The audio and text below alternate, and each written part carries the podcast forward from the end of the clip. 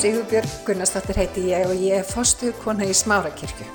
Við langar til þess að bjóða þið velkomin í hlaðvarpan okkar en hér ætlum við að tala uppbyggjandi og hvetjandi orð.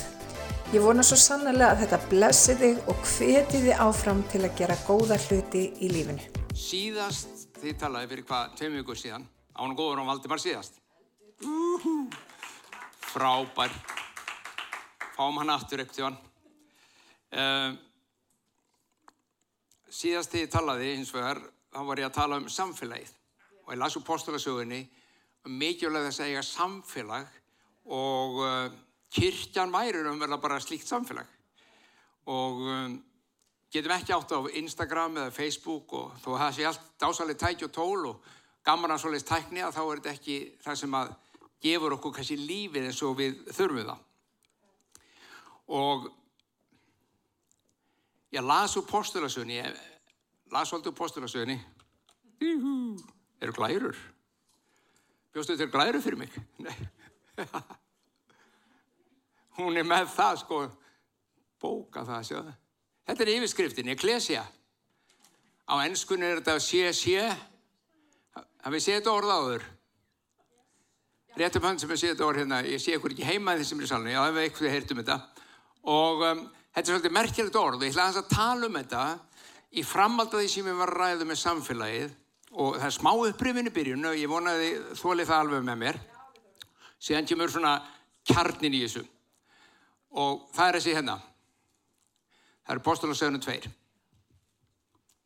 Sko, það búið að setja allt upp fyrir mig það eru svo góð.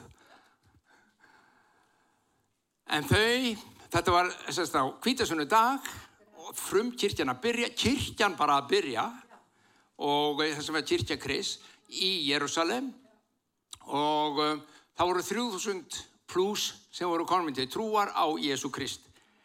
Við meðum ekki gleyma því að Jésús var svolítið byltingasinni.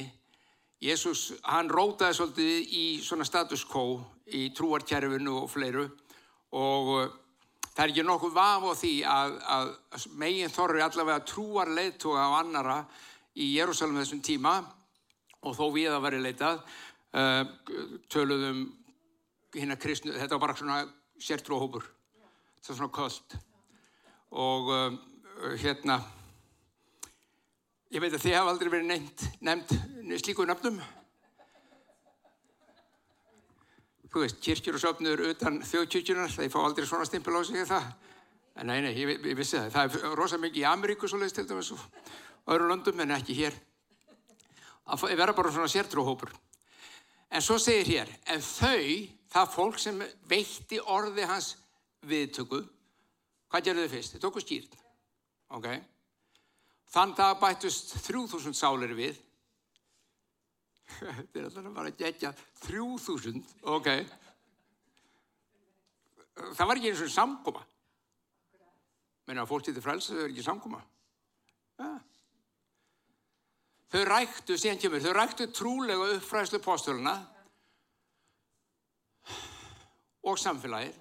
Þau stunduðu það að læra og hlusta úr Guðsorðið þess að postulunni voru að kenna um ofinbörun á Kristi og fagnarendið og, og, og Kristi líf. Og þau ræktu trúlega samfélagið. Þetta er upprýðum frá því síðast munið. Hvað gerðu þau meira? Þau ræktu eh, brotningbröðsins, þar sé brutu bröðið saman. Eh, Bröðsbrotninga sem við köllum það, heilu kvöldmáltíð og að sjálfsögðu bænirnar. Samfélag trúara ótti setti að hverju manni. Eða ótti að setti að hverju manni en mörg undur og tá gerist fyrir höndum posturinn. Það var ástæðan fyrir óttarum. Það var ekki því að Guð var þessu stelvulur heldur það var bara svo stórkosli hlutir að gerast. Að, að fólk staldra bara við að segja hvað er í gangi? Wow veist, lamaðir ganga blindir fór sín það er eitthvað rosa mikið í gangi. Og allir þeir sem trúðu heldu hópin og höfðu allt sameigilegt þar að segja að þeir deldu eigum sínum og pössuðu það engin liðin eitt skort. Það er ekki slæm hugsun menn seldu eigur sínar jafnvel og, og muni og stiftu meðal allra eftir því sem hver hefði þörf á. Svo mikið var gjafmildin og svo mikið var hérna, ákvörðantakarnir því að, að láta ekki neitt verða út undan eða líða skort, hafa nóg að borða, hafa allt sem hver þurfti. Daglega kom enn saman með einum huga. Þú segir kannski, já þetta er nú gátt í frumkirkni, ég er bara engan tíma á hverjum degi að fara að hittast eitthvað svona. Ok, nota benið, það var ekki veist, það var ekki fótbóltinu sinni. Tennis, golf, það var ekki þessu tótt að rífa til. Þannig að kannski höfðu menn aðeins meiri tíma þá heldur en gengur að gerst í dag og það er bara, það er allt í lagi. Það er engir að segja það að við þurfum að gera þetta nákvæmlega er eins og þeir hittast daglega en það er samt sem aðra ákveðin prinsip í þessu og það er samfélagið. Og þeir kom með einum huga í helgidónum, brödu brauð í heimahjóksunum, komaður aftur að þessum heimahjósum og bróta brauð og borða saman og allt það. Já, já, neittu fæðu saman í fögnuð og einlægni hjartans. Þeir lofiðu Guð og hafðu vinsaldir og öllum lít, það var vinsalt fólk. Sértur á hópurinn í Erusalem, það var bara vinsæl. Þetta er mjög, þetta, megum ekki að glemja, þetta er mjög sérstakt. Þetta er mjög sérstakt.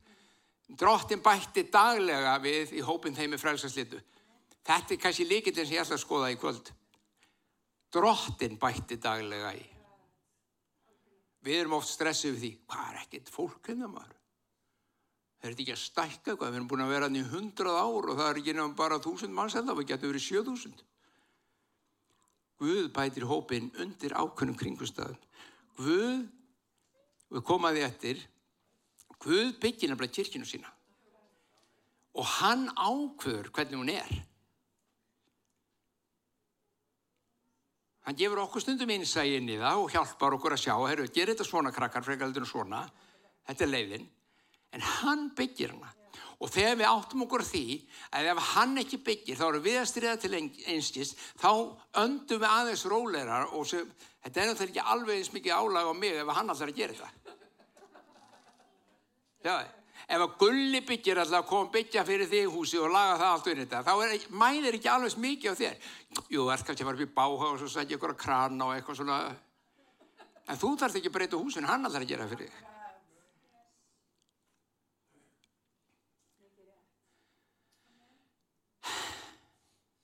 Við höfum verið að skoða þetta og það er áfram smá upprifun.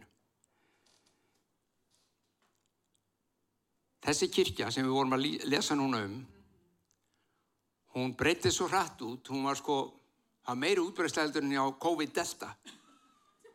Það var bara, það var bara út um allt.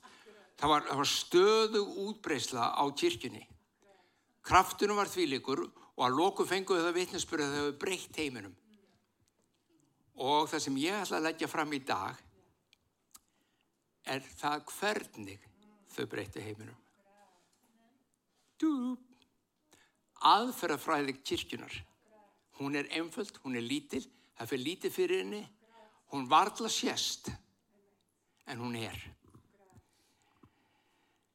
Það er alltaf skrítið, ég hef alltaf sagt það sko, þegar fólk er að tala um að Jésús það ekki verið til, sko. Hafið eitthvað veldið fyrir hvað var þetta þá? Það er alveg staðrænt að það gerðist eitthvað. Ég menna heimurum breytist. Við erum hér í dag vegna í einhverju sem heitir kirkja vegna þess að það gerðist eitthvað á þessum tíma og að það var engin Jésús, býtu hver er það ábyrg fyrir þessu tóti? Og hvað, hvað gerðist þá eiginlega? Munið eftir ég sagði okkur einhver tíman frá því að það árið 313, 313 og þá kom svona edikt uh, of Milan eða Milan tilskipurum frá keisarunum Konstantínusi. Á því augnabliki, takt eftir, árið 313, hvernig byrjaði? Jésús, hann, segjum að hann, það er svona almennt talið, hann hafi verið 30 ára að starfi, uh, neða, að verið 33 ára segið þegar hann deyir og hann fyrir til starfa, hann er ekki lengi að starfa, en hann er dáið 33 ára segjum, það er 30 ári, 33 ef við miðum ártalið við hans fæðingu. Og þetta síðan fyrir kirkjarnar stað. Og þetta er sérst árið 313. Þá fyrirskipa keisarinn í Róm að það stílur engin, engar ofsóknir hendur grínu kristnulengur. Eins furðulegt eins og það hljómar, þá er þetta eitt af vestasanga gest fyrir kirkjuna. Að hætta ofsóknum. Það hluti að vera gott fyrir þau, já, mjög gott fyrir þau, En fyrir kirkjun þá gerist eitthvað.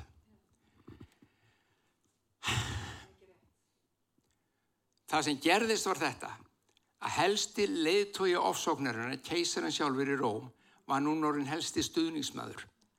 Árið 380 var þetta síðan ríkiskirkja, eða ríkistrú. Og þá runnu saman, þetta er bara upprýfin en þá, kema kjarnanum, þá runnu saman kirkja og ríki. Og aldirnar liðu og munið þið þegar ef þið lesið söguna þá voru það kongarnir og drottningarnar í, í hinum á þessu löndu sem voru aðstu aðilar kirkjunar í landinu. Það var engin greinamunu gerður faktist. Þau stjórniði gegnum kirkjuna. Stæðstu byggingar hvers, hverja borgar voru domkirkjunar. Og ekki miskila mig, ég elska þessi hús. Ég elska að fara inn í svona stóru og mikil hús og fallið þetta er, og sögun og allt þetta. En hvað er í gangi? Það er stóra spurningin. Kirkjana breytist frá því að vera grasrótarhefing trúvarleg grasrótrarhefing sem fór í djúpar og mikla samfélagsbreytingar. Og hún orsakaði samfélagsbreytingar. Kirkjan flutti sig, muniði, yfir í byggingarnar og hætti að vera út á meðal fólksins. Hafið þið þetta í huga, nú ætlum ég að spyrja ykkur. Þið þurfum ekki að svara, bara hafið þetta í huga. Þú ert í vinnu. Þú vinnur fær út á mótnana, þú búin að fara eitthvað í ræktina eða sturtu eða hvað er hún að gera fyrst á mótnana. Og svo fer ég vinnu og þú vinnur alltaf daginn og svo eru börnin sem býða heima og, og kallin eða konan og, og það þarf að elda og það þarf að gera hitt og þetta. Og svo fer ég kirkjunum og svo fer ég félagsstarfi og svo spilar við félagsvistina og svo spilar við golfi og svo er þetta að gera allt þetta. Þú veist á fullu, það er nóg að gera. Það er nóg að gera. En það er eitt sem þú lætur aldrei, þú missir aldrei af, sleppir aldrei, það er kirkjan á sunnudu kannski bænastundin, ekki alveg eins mikilvæg. Ái, að því að stónarblaða byrja var að lesa það sko, að þið ræktu það, sko, það ástunduði bænina. Já, ég byrði heima um mér. Já, gott. Það er gott að byrja heima líka og ég gerum ekki lítið úr því. En sjá, það sem ég er að segja, það er nóg að gera. Þá svo spyr ég þið núna og hafðu þetta í huga þegar við höldum áfram. Hvað gerur þú svo þegar þú ætlar að slaka á? Hvað, finn, hvað gerir fólk? Það sem fólk gerir, flest, flest okkar gera, ok, við gerum alls konar hluti að sjálfsögðu. Ég geng á fjöll og, þú veist, sumi fari sund og sumi sundi sjórum, og skil það ekki, en það er nógu það, eða fari kalda fóta. Gef mig hlýju. Þetta er vist voðalega holt, segja þeir sem að tilþekja mér verður bara kallt en það er svo því ég fasta á og verður bara svangur en hvað gerur þau? veitu hvað við gerum? veitu hvað er klassíst og þetta gerum við öll við ringjum hóum skrifum, textum vinum okkar, fjölskyldumöðlumum segjum að borða saman í kvöld ekki hittast og slaka á og borða saman og veist, njóta þess að vera saman og hafa gaman. Þetta, þetta er eðlasti hlutur í heimi fyrir okkur og þetta gerum við öll. Gerum við öll. Kirkjan hittist daglega og borðaði saman. Ok, þið höfðu tíma daglega til að gera það. En segjum að við höfum eina, einn dag í viku. Segjum við höfum hálsmánalega. Segjum einn dag í mánuði sem við hóum í vinn okkar til að borða. En við gerum þetta, okkur, þetta er okkur eðlastur hlutur í heimi til að hafa gaman. Kirkjan nýtti sér þessa stórkosluður nútíma tækni sem þá var í gangi að hittast. Það var ekki komin eitt að hinn í tækninni séu. Það var ekki sími, það var ekkert. Þau hafði ekki auglýsingastofu, þau hafði ekki Instagramað. Pétur reist eitt frá dauðum í gær ekkert svona.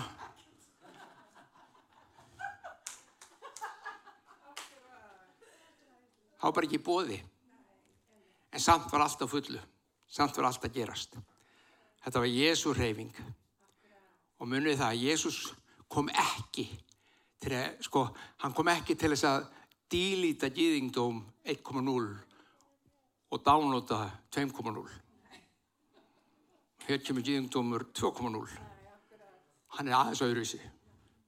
Hann kom með rótaka breytingu, hann kom og umbylti, hann faktist lísti því yfir, hann hefði uppfyllt gömlu trúarkerfin, bæði gýðinglega kerfið og heiðing, heiðingdómin. Og hann var að koma eitthvað nýtt í staðin fyrir bæði þessi. Og þið lesið það sem Pál skrifar, til dæmis í Efesus, þar, þar lýsir hann hreinlega að Kristur hafi á krossunum tekið bæði heiðingjana og gýðingjana, sett á með sér á krossun og búið til nýja mann. Og ný trúabröð. Þetta er bara lýst svona. Hann deytti þetta bara allt á krossunum og e, þetta hljóma svona, ha, tók hann hvað? Gýðingdómin á krossin. Þetta er, ok, þetta er svo djúftaldur, ég veit ekkert hvort að segja. Ok, þá segja ég, það er einskot að ég skrifa þetta ekki, Pál skrifa þetta í Efesus og þetta, þetta er rosalega gott eins og hann segir það.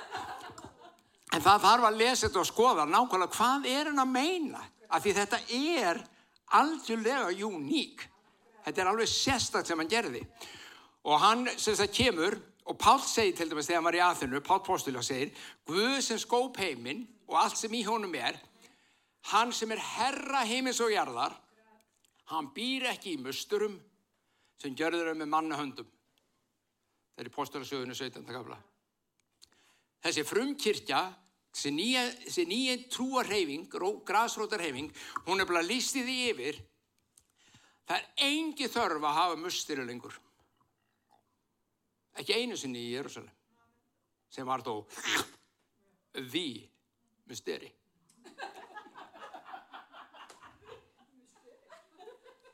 Í alvöru. Engi þörf vegna hvers? Við þurfum ekki einu sinni húskrakkar. Við þurfum bara að gera það sem öllum önnum er eðlilegt að gera þegar þeim langar að gera eitthvað saman. Það er að hittast og borða. Það er að segja mér að þetta, ja, skoðum. Skoðum hvað hann ger. Nú ætlum ég að spyrja ykkur einu og hafið þetta í huga líka. Langar ykkur að gleyðja Jésu alveg óstjórnlega mikið? Alltaf, við erum alltaf þar. Sem betur fyrir því, ég veit þið líka heima. Hversu oft í biblíunni hafið þið, og þið þurfum ekki að svara upp átt eða neitt, bara hugsið það, reynið að reyfja það upp, hversu oft hafið þið lesið um það að Jésús, hann tók gleði kipp í heilum handa, hann glatti svo óstjórnlega að útur hún kom loftsitt til föðurins. Munið eftir eitthvað svona? Allir. Það er einskot í bækur ekki með svara upp átt. Í hvaða kapla var það? hafið í huga. Jésús sagðist að hafa upp fyllt Guðdómin, eða gýðingdómin segja og trúar kerfið þeirra. Jésús var nefnilega nýja vinnið muniði og nú fyrir við að koma kjarnarum. Og hann sagði þú tekur ekki, gamla vinnið var gýðingdómurinn og innihald gýðingdómsins og innihald heiðingjana, heiðingstrúarinnar, heiðingjatrúarinnar, en vínbelgirnir sem vínum er á var gýðingdómurinn, struktúrinn og heiðindómurinn. Og hann sagði þú tekur ekki nýtt vín og setur það á gamla belgi. Það er alveg svakalega flott lí, líking hjá honum. Vegna þess að það sem gerir hann, ef þú tekur gamlan belg, hann er þurr og skorpin og þetta er gamal vínbelgur. Þannig var vínið ekki á flöskum eða svona beljum upp í plastbrúsum upp í, upp í hérna vínbúð, þarna voru þetta gemt á svona vínbelgjum, skinnbelgjum og þeir voru, ef þeir voru ekki bleittir og vættir reglur og ef þeir gemt ekki vínreglulega að þá þotnu þeir, þetta var bara skinn. Þetta er bara svo stóttin heimauðar sem aldrei sesti og aldrei borið á að lókum það eðilegsleðir í honum einhvern veginn. Það bara þotnar upp nema sér fyrt í því. Og þessi belgir þotnuðu og þá máttur, hefur, hefur komið við leður, þeir eru ekkert mjög þykki en hefur komið við leður og þau getur brotið það. Það brotnar að þér eru þurft og skorpið. Og það er það sem Jésur að segja þú, þú er með svoleiðis belgi og svo fariðu nýtt vín og þá getur ekki held í á vegna þess að nýja vínið mun gerjast og halda áfram og þroskast. Og þá eiðilegur það belgin og hann ripnar og nýja vínið legur út þú týnir því og þetta er það sem hann var að vísa til að gömlu belginnir voru gýðingdómurinn. Hann hann er rosalega djarfur, okkar ég fegin ég sagði þetta ekki líka. Hann er svo djarfur, hann sagði þeir eru gamli belgurinn og heiðindómurinn eru gamli belginnir og þú get, tekur ekki það vín sem ég er með og setur á þá og þeir ná að, að meika það. Með öðrum og þú tekur ekki það gamla og setur eitthvað nýtt í þá. Ef við berum þetta saman, frumkirkjuna sem við erum að lýsa fram til 313 og svo kirkjuna í dag, munið það sem ég var að lesa, þeir hafðu vinsaldur öllum líð Við höfum það líka. Sumum, sumum líð. Ég myndi að hugsa, sko, já, ég, er nú, ég er ekki að minna þig ykkur sem einstaklingar. Þeir eru náttúrulega alveg stórkoslega vinsal, ég veit það. Ég er að tala um sko kirkjuna. Kirkjuna sem stopnun. Allir þetta, Haldur, ég er vinsal. Er, en kirkjan sem stopnun. Ég var svo spenntur að brotna röttin í mér. Hvað, hvernig ber húsi saman í dag við vinsaldir á öllu líð og hvað er hann að gera í dag? Ég er alveg samfann um það að hluti vandamálsins er að við erum enn að setja nýtt vín á gamla belgi. Við erum að bjóða lífið í Jésu Kristi, andakvöðs og heilumanda inn í gamalt system. Og við, þú og ég og Kirkja Kris á Íslandi og um allan heim, hún er til eins og hún var í frumkirkjini, vitið það, það er til svona hópar og þeir lifa bara og eru bara eins og þessi, þessu vorum að lesa á það, dásanlegt. En það eru flest okkar, sérstaklega á Vesturlundum, sem höfum erft, höfum fengið arfleið að systeminu sem var til þessi 1700 ár. Og það er mikið af gömlum belgjum sem við notum til að setja nýtt vín á og hvað gerum við þegar það er ekki alveg að virka? Þá fáum við markastjóra til að búa eitthvað snjált til. Þú veist, við verðum að gera eitthvað hérna, reyngin að koma. Gerum eitthvað. Hvað er maður að gera? Auglísum. Já, það er afgætt þar að vita um flestir á okkur einhvern veginn ef þau vilja koma í kirkju. Haldið við komið að myndum setja helsuðu auðvilsingu? Nei, ekki þessu það er, við skulum gera það samt, við skulum gera eitthvað. Finnum við upp eitthvað til að flikka upp á gamla belgin. Ef að málan. Það er einum að laga gamla belgin. Það er allt og seint að reyna mikið upp og gera hann klára fyrir nýja vinnið. Eina leiðin er að fá bara nýjan belg og setja á það Það er eina leiðin og Jésús sagði okkur að takta eftir. Hann sagði okkur þetta. Ó, hvað ég stundu fegin að ég bjóði ekki til. Þegar ég sé alveg augum og sumfólk. Hvað er þetta að segja? Ég bara segja, viltu nýtt vín? Þá verður að hafa nýjan belg. Það er ekki floknara heldur en það. Og við erum enna búið til gamla belgi, það er að flikka upp á gamla belgi Og svo erum við alveg steinhiss á því að það er ekkert vín í því. Vín er lönguleiki út.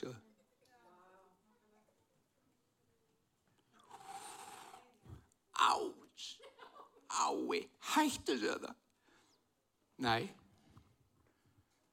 þetta skiptir öllu máli og nú ætla ég að klára þetta með því að lesa.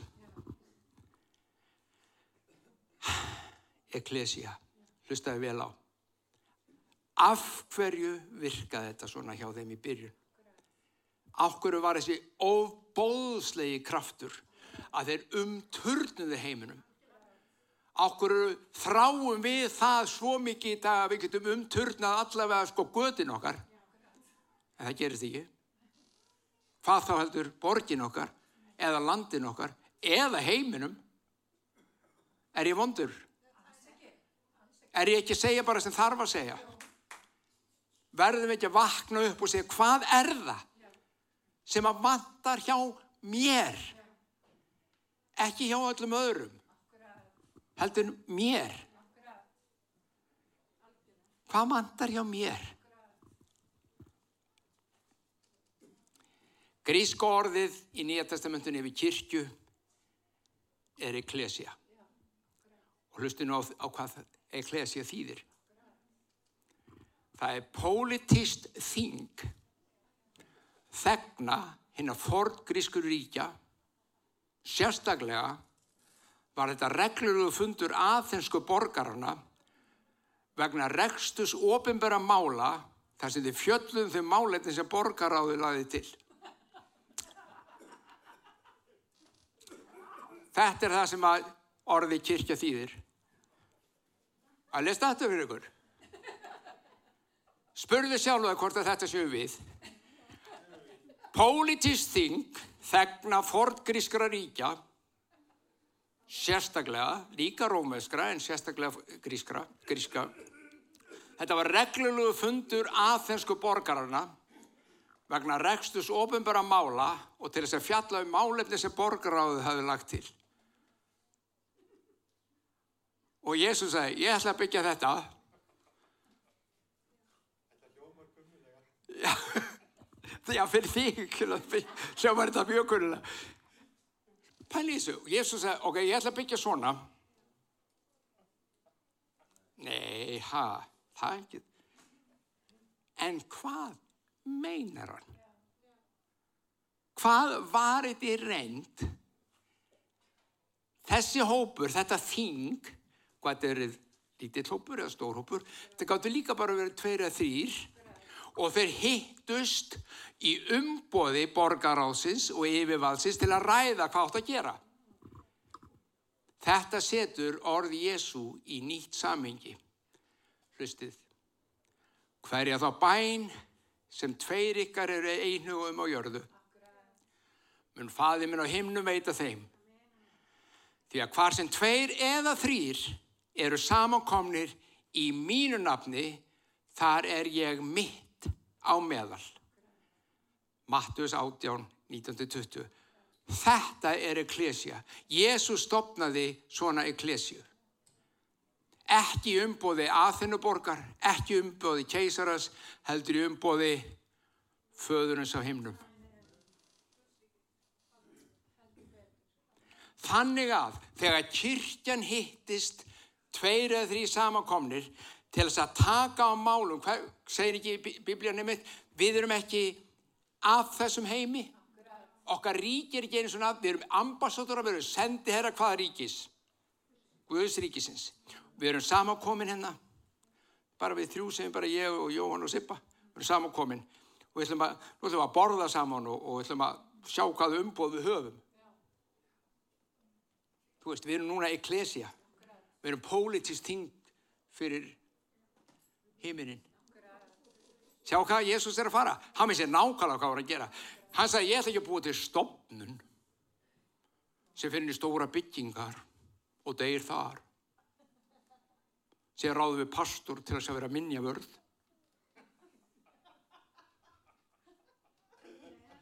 Næ, sagðu þetta?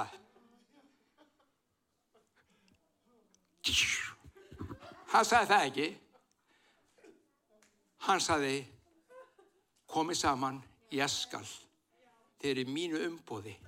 Ég ætla að gera það sem að mínu hjarta er og hvaða, ég ætla að byggja þessa kirkju. Ég ætla að byggja þetta unit. Og hvernig ger ég það? Ég kannski bý til fæst, fleiri inn þetta unit, ég bý til fleiri unit, en allt er þetta gert í umbóði föðurins og himnum.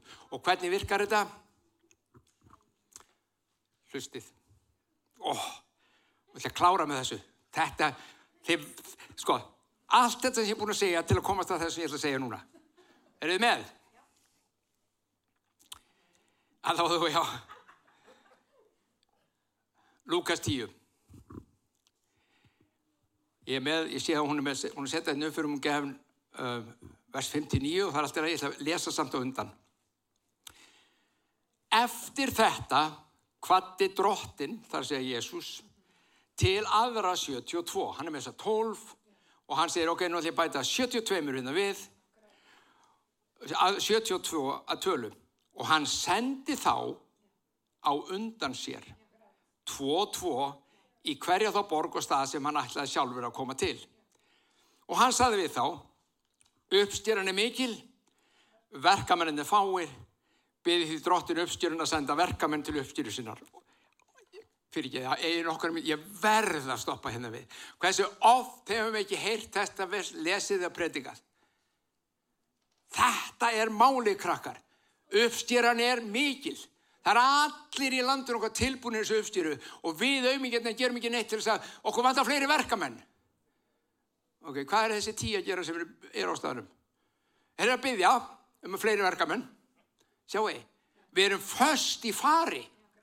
Við erum bara stökk. Við verðum að fá fleiri verkamenn til þess að ná þetta inn. En það sem við erum raunverulega að byggja um þessu, ó, dróttið minn, komdu bara og bætt inn í þessu kyrkjókar hérna. Ég veit þetta er hörð predikun, en hún er þörf. Hún er svo þörf krakkar. Ég er að segja ykkur það, ef við ekki sjáum, þá munum við missa af.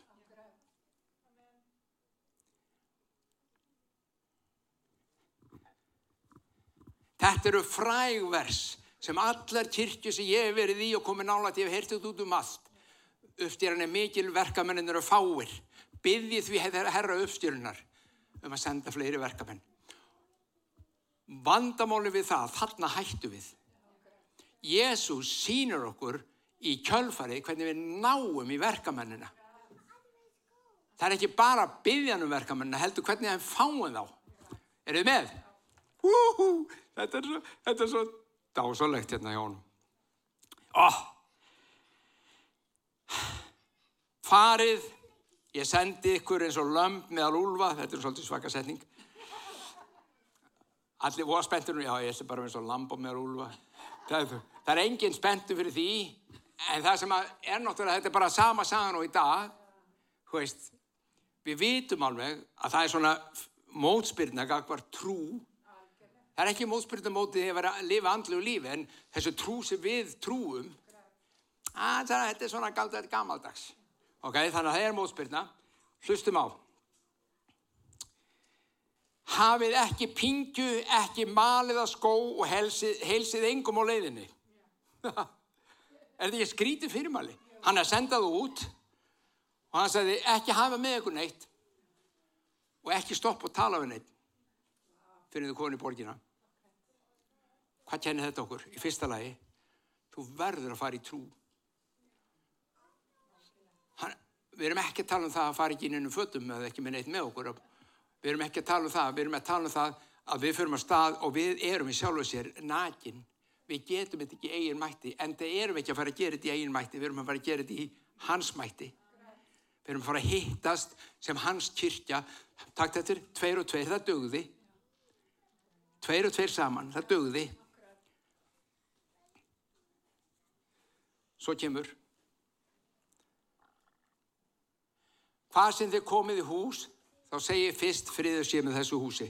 Nú ætla ég að sína ykkur hvernig Jésús saði þetta myndi virka. Og þetta er það sem frumgirkjan gerði frá fyrsta degi og allavega fram til 313 sennilega svolítið mikið lengur en það en smátt og smátt breytist þetta ok? Hvar sem þið komið í hús, svo segir fyrst friðið sé með húsið þessu. Að hitta fólk og óskaðum friðar. Hvað þýðir þetta fyrir, fyrir okkur í dag? Þetta þýðir það að það sem ég sagði áðan, það sem okkur eðlastir hlutir heima, hittast og borða saman. Að nú ætlum við að bjóða einhvernum sem við vitum á ekki trú. Nú ætlum við langsist bara að bjóða nákvæmlega okkar í mat. Ég, get ekki fara að vitna, nefnir eftir rólu, þú ert ekki fara að vitna fyrir þeim. Þú er bara að bjóða mér mat. Hann er byrjar, hann er svo, hann gefur okkur fjögurskref. Ó, þetta er svo snjált. Já, hann segir blessið þau, bara uppörfa þau, verið góð við þau. Hættu þessi fýblaskaparna og tróða biblíninu hausunum fyrir, nei, þú byrjar ekkert þar. Þú er bara góður við fólkið. Þú blessar þau og þú eldar frábæra lampasteik eins og sumir gera hér, veit ég. Ó, hún er góð. Og stýrlega hvað er að fara? Þú, bara, þú getur líka bóðið einhverjum, þú getur látið bjóða þér heim líka ef þú vilt. Og getur hengt bara og segi, hei Sigga, wow, það var gaman að hitta það aftur hérna í morgun maður. Við þurfum að hittast. Og svo bara, er búið til eitthvað. Þetta er okkur eðlilegt. Þetta er ekki flókið. Þetta gerum við þegar við þurfum að slaka á og slappa af. Þannig að þetta er ekki stress í þessu. Og við heitust og við byrjum bara á að, að uppöru og við getum gert þetta í okkar eigin húsi eða húsi nágrannuna. Er þið með?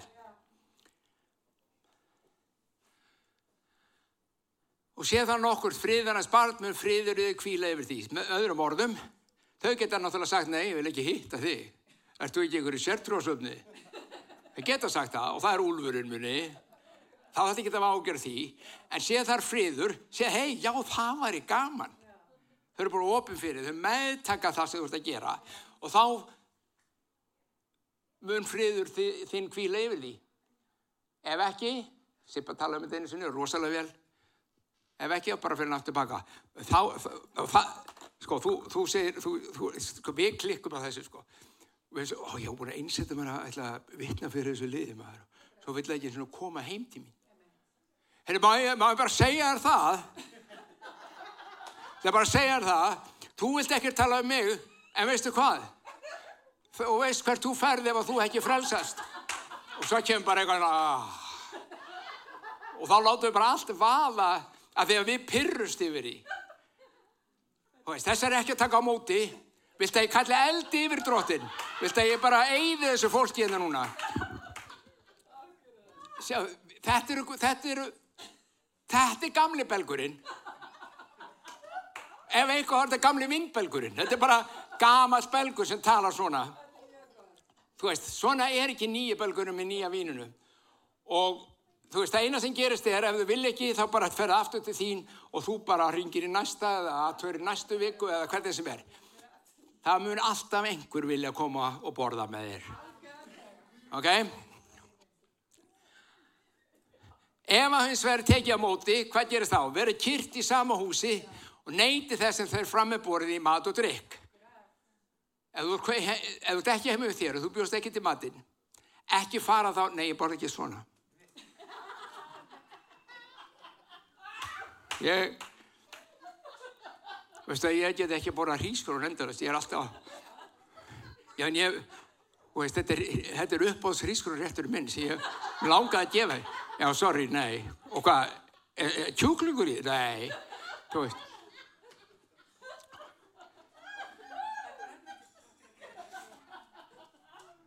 Leið og þeir segja þetta, ok, þá segir, segir, segir vinnurinn, ok, ok, ég skal panta tómaðanborgara fyrir þig, þú veist, en, þú veist, það þarf virkilega mikla mildi og miskun að vilja opna svo tala við þig og þekkja þig mikið eftir þetta. Nei, ég borði ekki svona. Ég sé líka sósan aðeins brunnið og það, það fyrsta sem kristni búið að læra sem að fara til framöndu landa er að læra að borða hvað sem er. Þú, þar er þið bóðið mat og ef þú ekki nærða að borða það sem er á bóstólum þá hlusta ekki og á þig. Það er það sem allt snýst um. Viltu borða með mér? Veist, og svo setjast þið niður og snæða og þú kannski það er alltaf kvolvi í maganum að þér. Og það er ekki einu svona út í kamar sjáðu. þú er bara oh, sjá, yeah, þið sjáu hvert þetta er að fara. Þetta er vandamál þegar við erum að fara að eiga samskiptu fólk ef við erum já, bara svo matund að það er ekki hægt að borða mjög þá, en það er mjög góð leið til að leysa þetta mál þú heldur þetta heima með þér. Þá ræður þú. Þá ræður þú hvað er í matinn. Ok? Og það að það stendur. Um, verið kyrt í sama húsi. Og því að benda ykkur eitt hvað þetta þýðir. Þetta þýðir þetta tekur tíma. Þetta er ekki ein kvöldstund Það er ekki, þú býður ekki einhverjum ókunnum í matur, nágrunum, þú kannski er svona málkunnur og þú ert að bjóða með mat til að byrja að kynast þeim betur og svo bara einn kvöldstund, herru Guð, má ég núna fara að pritika yfir þeim? Nei, það er ekki. Það er ekki svo leiðis. Þú, þú tekur þetta rólega, þú kynnist þeim. Þú verður vinur þeirra. Hvað gerist þá? Fyrst er hérna verður verka með launa sinna þar að segja að þau skilta að fá að borða og allt það eigi skuliði flytast þessu húsi og hús úr húsi þegar þetta með þetta tekur tíma. Og hvar sem þér komið í borg og tekir viður þá neyti þessum setti fyrir ykkur. Þetta er, nú getur ég sagt ykkur alveg það stendur í biblunum að geta hvað sem er.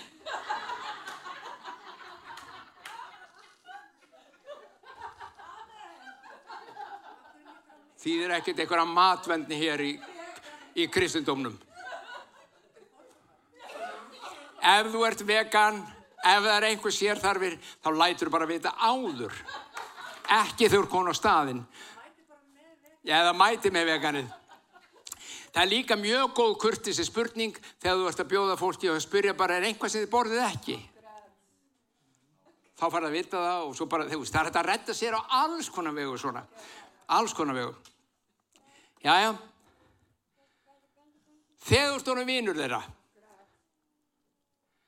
þegar þú ert búin að hittast nokkur sinnum að borða með þeim, ekki endilega hverjum degi þá vikuna, heldur það eru kannski linni þrýr mánir, fjóri mánir, fimm mánir, sex mánir, já það er ekki að gera svolítið, ég get ekki beðið endalist að það verður að sjá frálsast, þá kom alltaf verkamenn, ertu róluður, anda djúft, það tekur tíma. Þegar þú ert búin að kynnast einhverjum og einhverjum vinniðinn, hvað gerist þá? Upp á yfirborðið, við samtalið við matarborðið, koma hlutir í ljós sem að þú ekki vissir áður og þau myndu aldrei hafa sagt þér öðruvísi.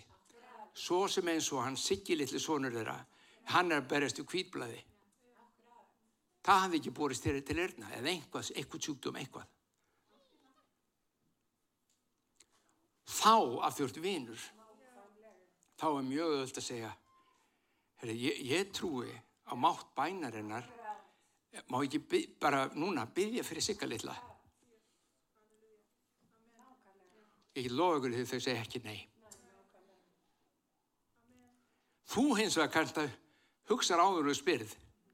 Hvað ef hann læknast ekki maður? Ég get ekki verið að þessu. Ég get ekki verið að bjóðast til að byggja fyrir sigga litla og Svo hlæjaði bara að mér og þetta verið svakalegt fjasko ef það næknast ekki. Þá rifjar upp hver þú ert, hvar þú ert, hvað þú ert að gera og í hvers umbóðið þú ert sem er klesja á þessum stað. Það er ekki borgaráðaðinu, það er ekki keisari róm, það er fadurinn í himnum sem sagði þér að gera þetta og ákvaði að gera þetta og sagði hvað sem þið byggðum um, tveir og þrýr í mínu nafni, þar er ég mitt á meðal og þá bara svara ég bænum og ég ger þetta. Það er umbóðið. Þannig, þess vegna bætti Guði daglegi hópin sem frelsast litur, því að hann var alltaf að gera eitthvað svona.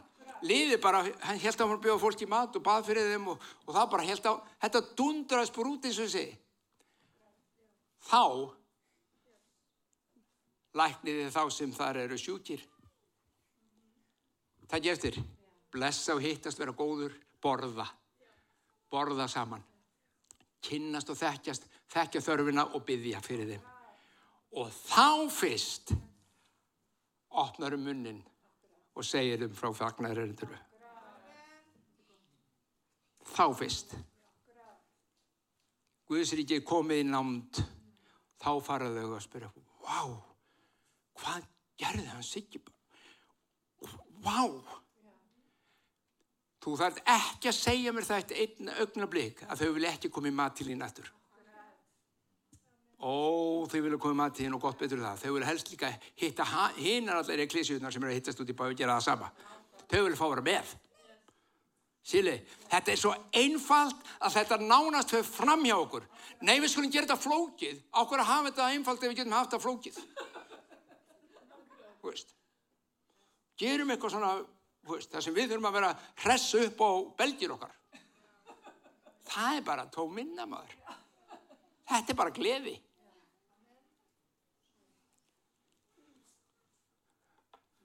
Og ég ætla að klára núna, ég búið að segja þriðja sinn, veist, þetta er launglending, þetta er sko aðflýðið rosa langt.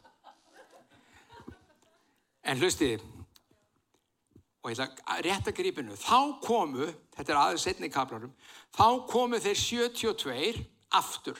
Hann er sett búin að gefa um þessi fyrirmæli sem við vorum að fara yfir, sendaðu út og þeir eru búin að vera út í einhvern ákveðin tíma. Svo koma þeir aftur tilbaka með fögnuði. Vákaðu voru gladir. Það er bara narriði jafn mikið gleðið sem þegar við hittust alltaf. Það var meiri gleði. vegna þau læknuðu sjúka og ekki bara það. Yllir andar hlýð okkur. Þeir áttu ekki orði verið það, yllir andar hlýttu þeim. Hvað er í gangi? Umbóðið. Mundu, þú ert í klesið en mín, sko, ég er að byggja það. Þetta er mitt vald, þetta er mitt ríki, það er ég sem að grípa hérna inn í. Þú ert ekki háður einhverju sem að þér þetta er í hug, þú ert ekki háður þínum eigin krafti, þú ert, háð, þú ert algjör undir mínu valdi og, og ég bara ger þetta haldur minn. Þú ert ekki að stressa á þessu, þetta er mín leið til að ná í verkamenn. Og Jésús, það var svo gaman honum þegar hann sagði, ég hafi lillir anda hlýð okkur. Þá, þá eiginlega bara svona varðan að segja, ég skal segja ykkur akkur í strákar. Jésús sagði þá við það, já ég sá Satan rapa af himni sem eldingu. Ég gef ykkur vald til að stíga höggorma og sportur eitthvað yfir öllu ómærarsveldi. Þú veist, ég er með valdið, hann bara, pum, ég veit það er bara eins og yllir handa þegar voru svo hiss á því. Strákar, ég sá þetta gerast. Hann flúði mig, ég hef valdið.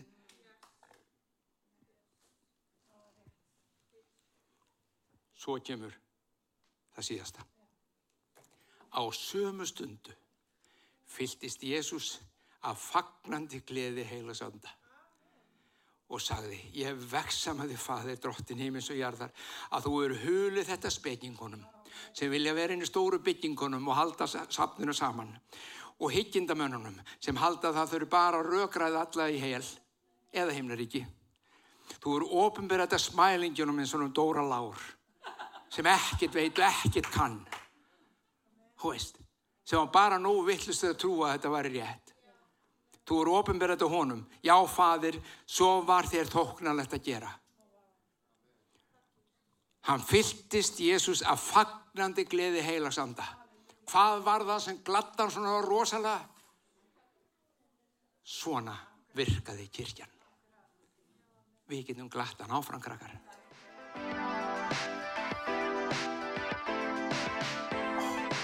Ég hveti til þess að stilla inn á okkur með reglum hætti því að hér veru alltaf eitthvað nýtt á nálinni. Takk fyrir að hlusta.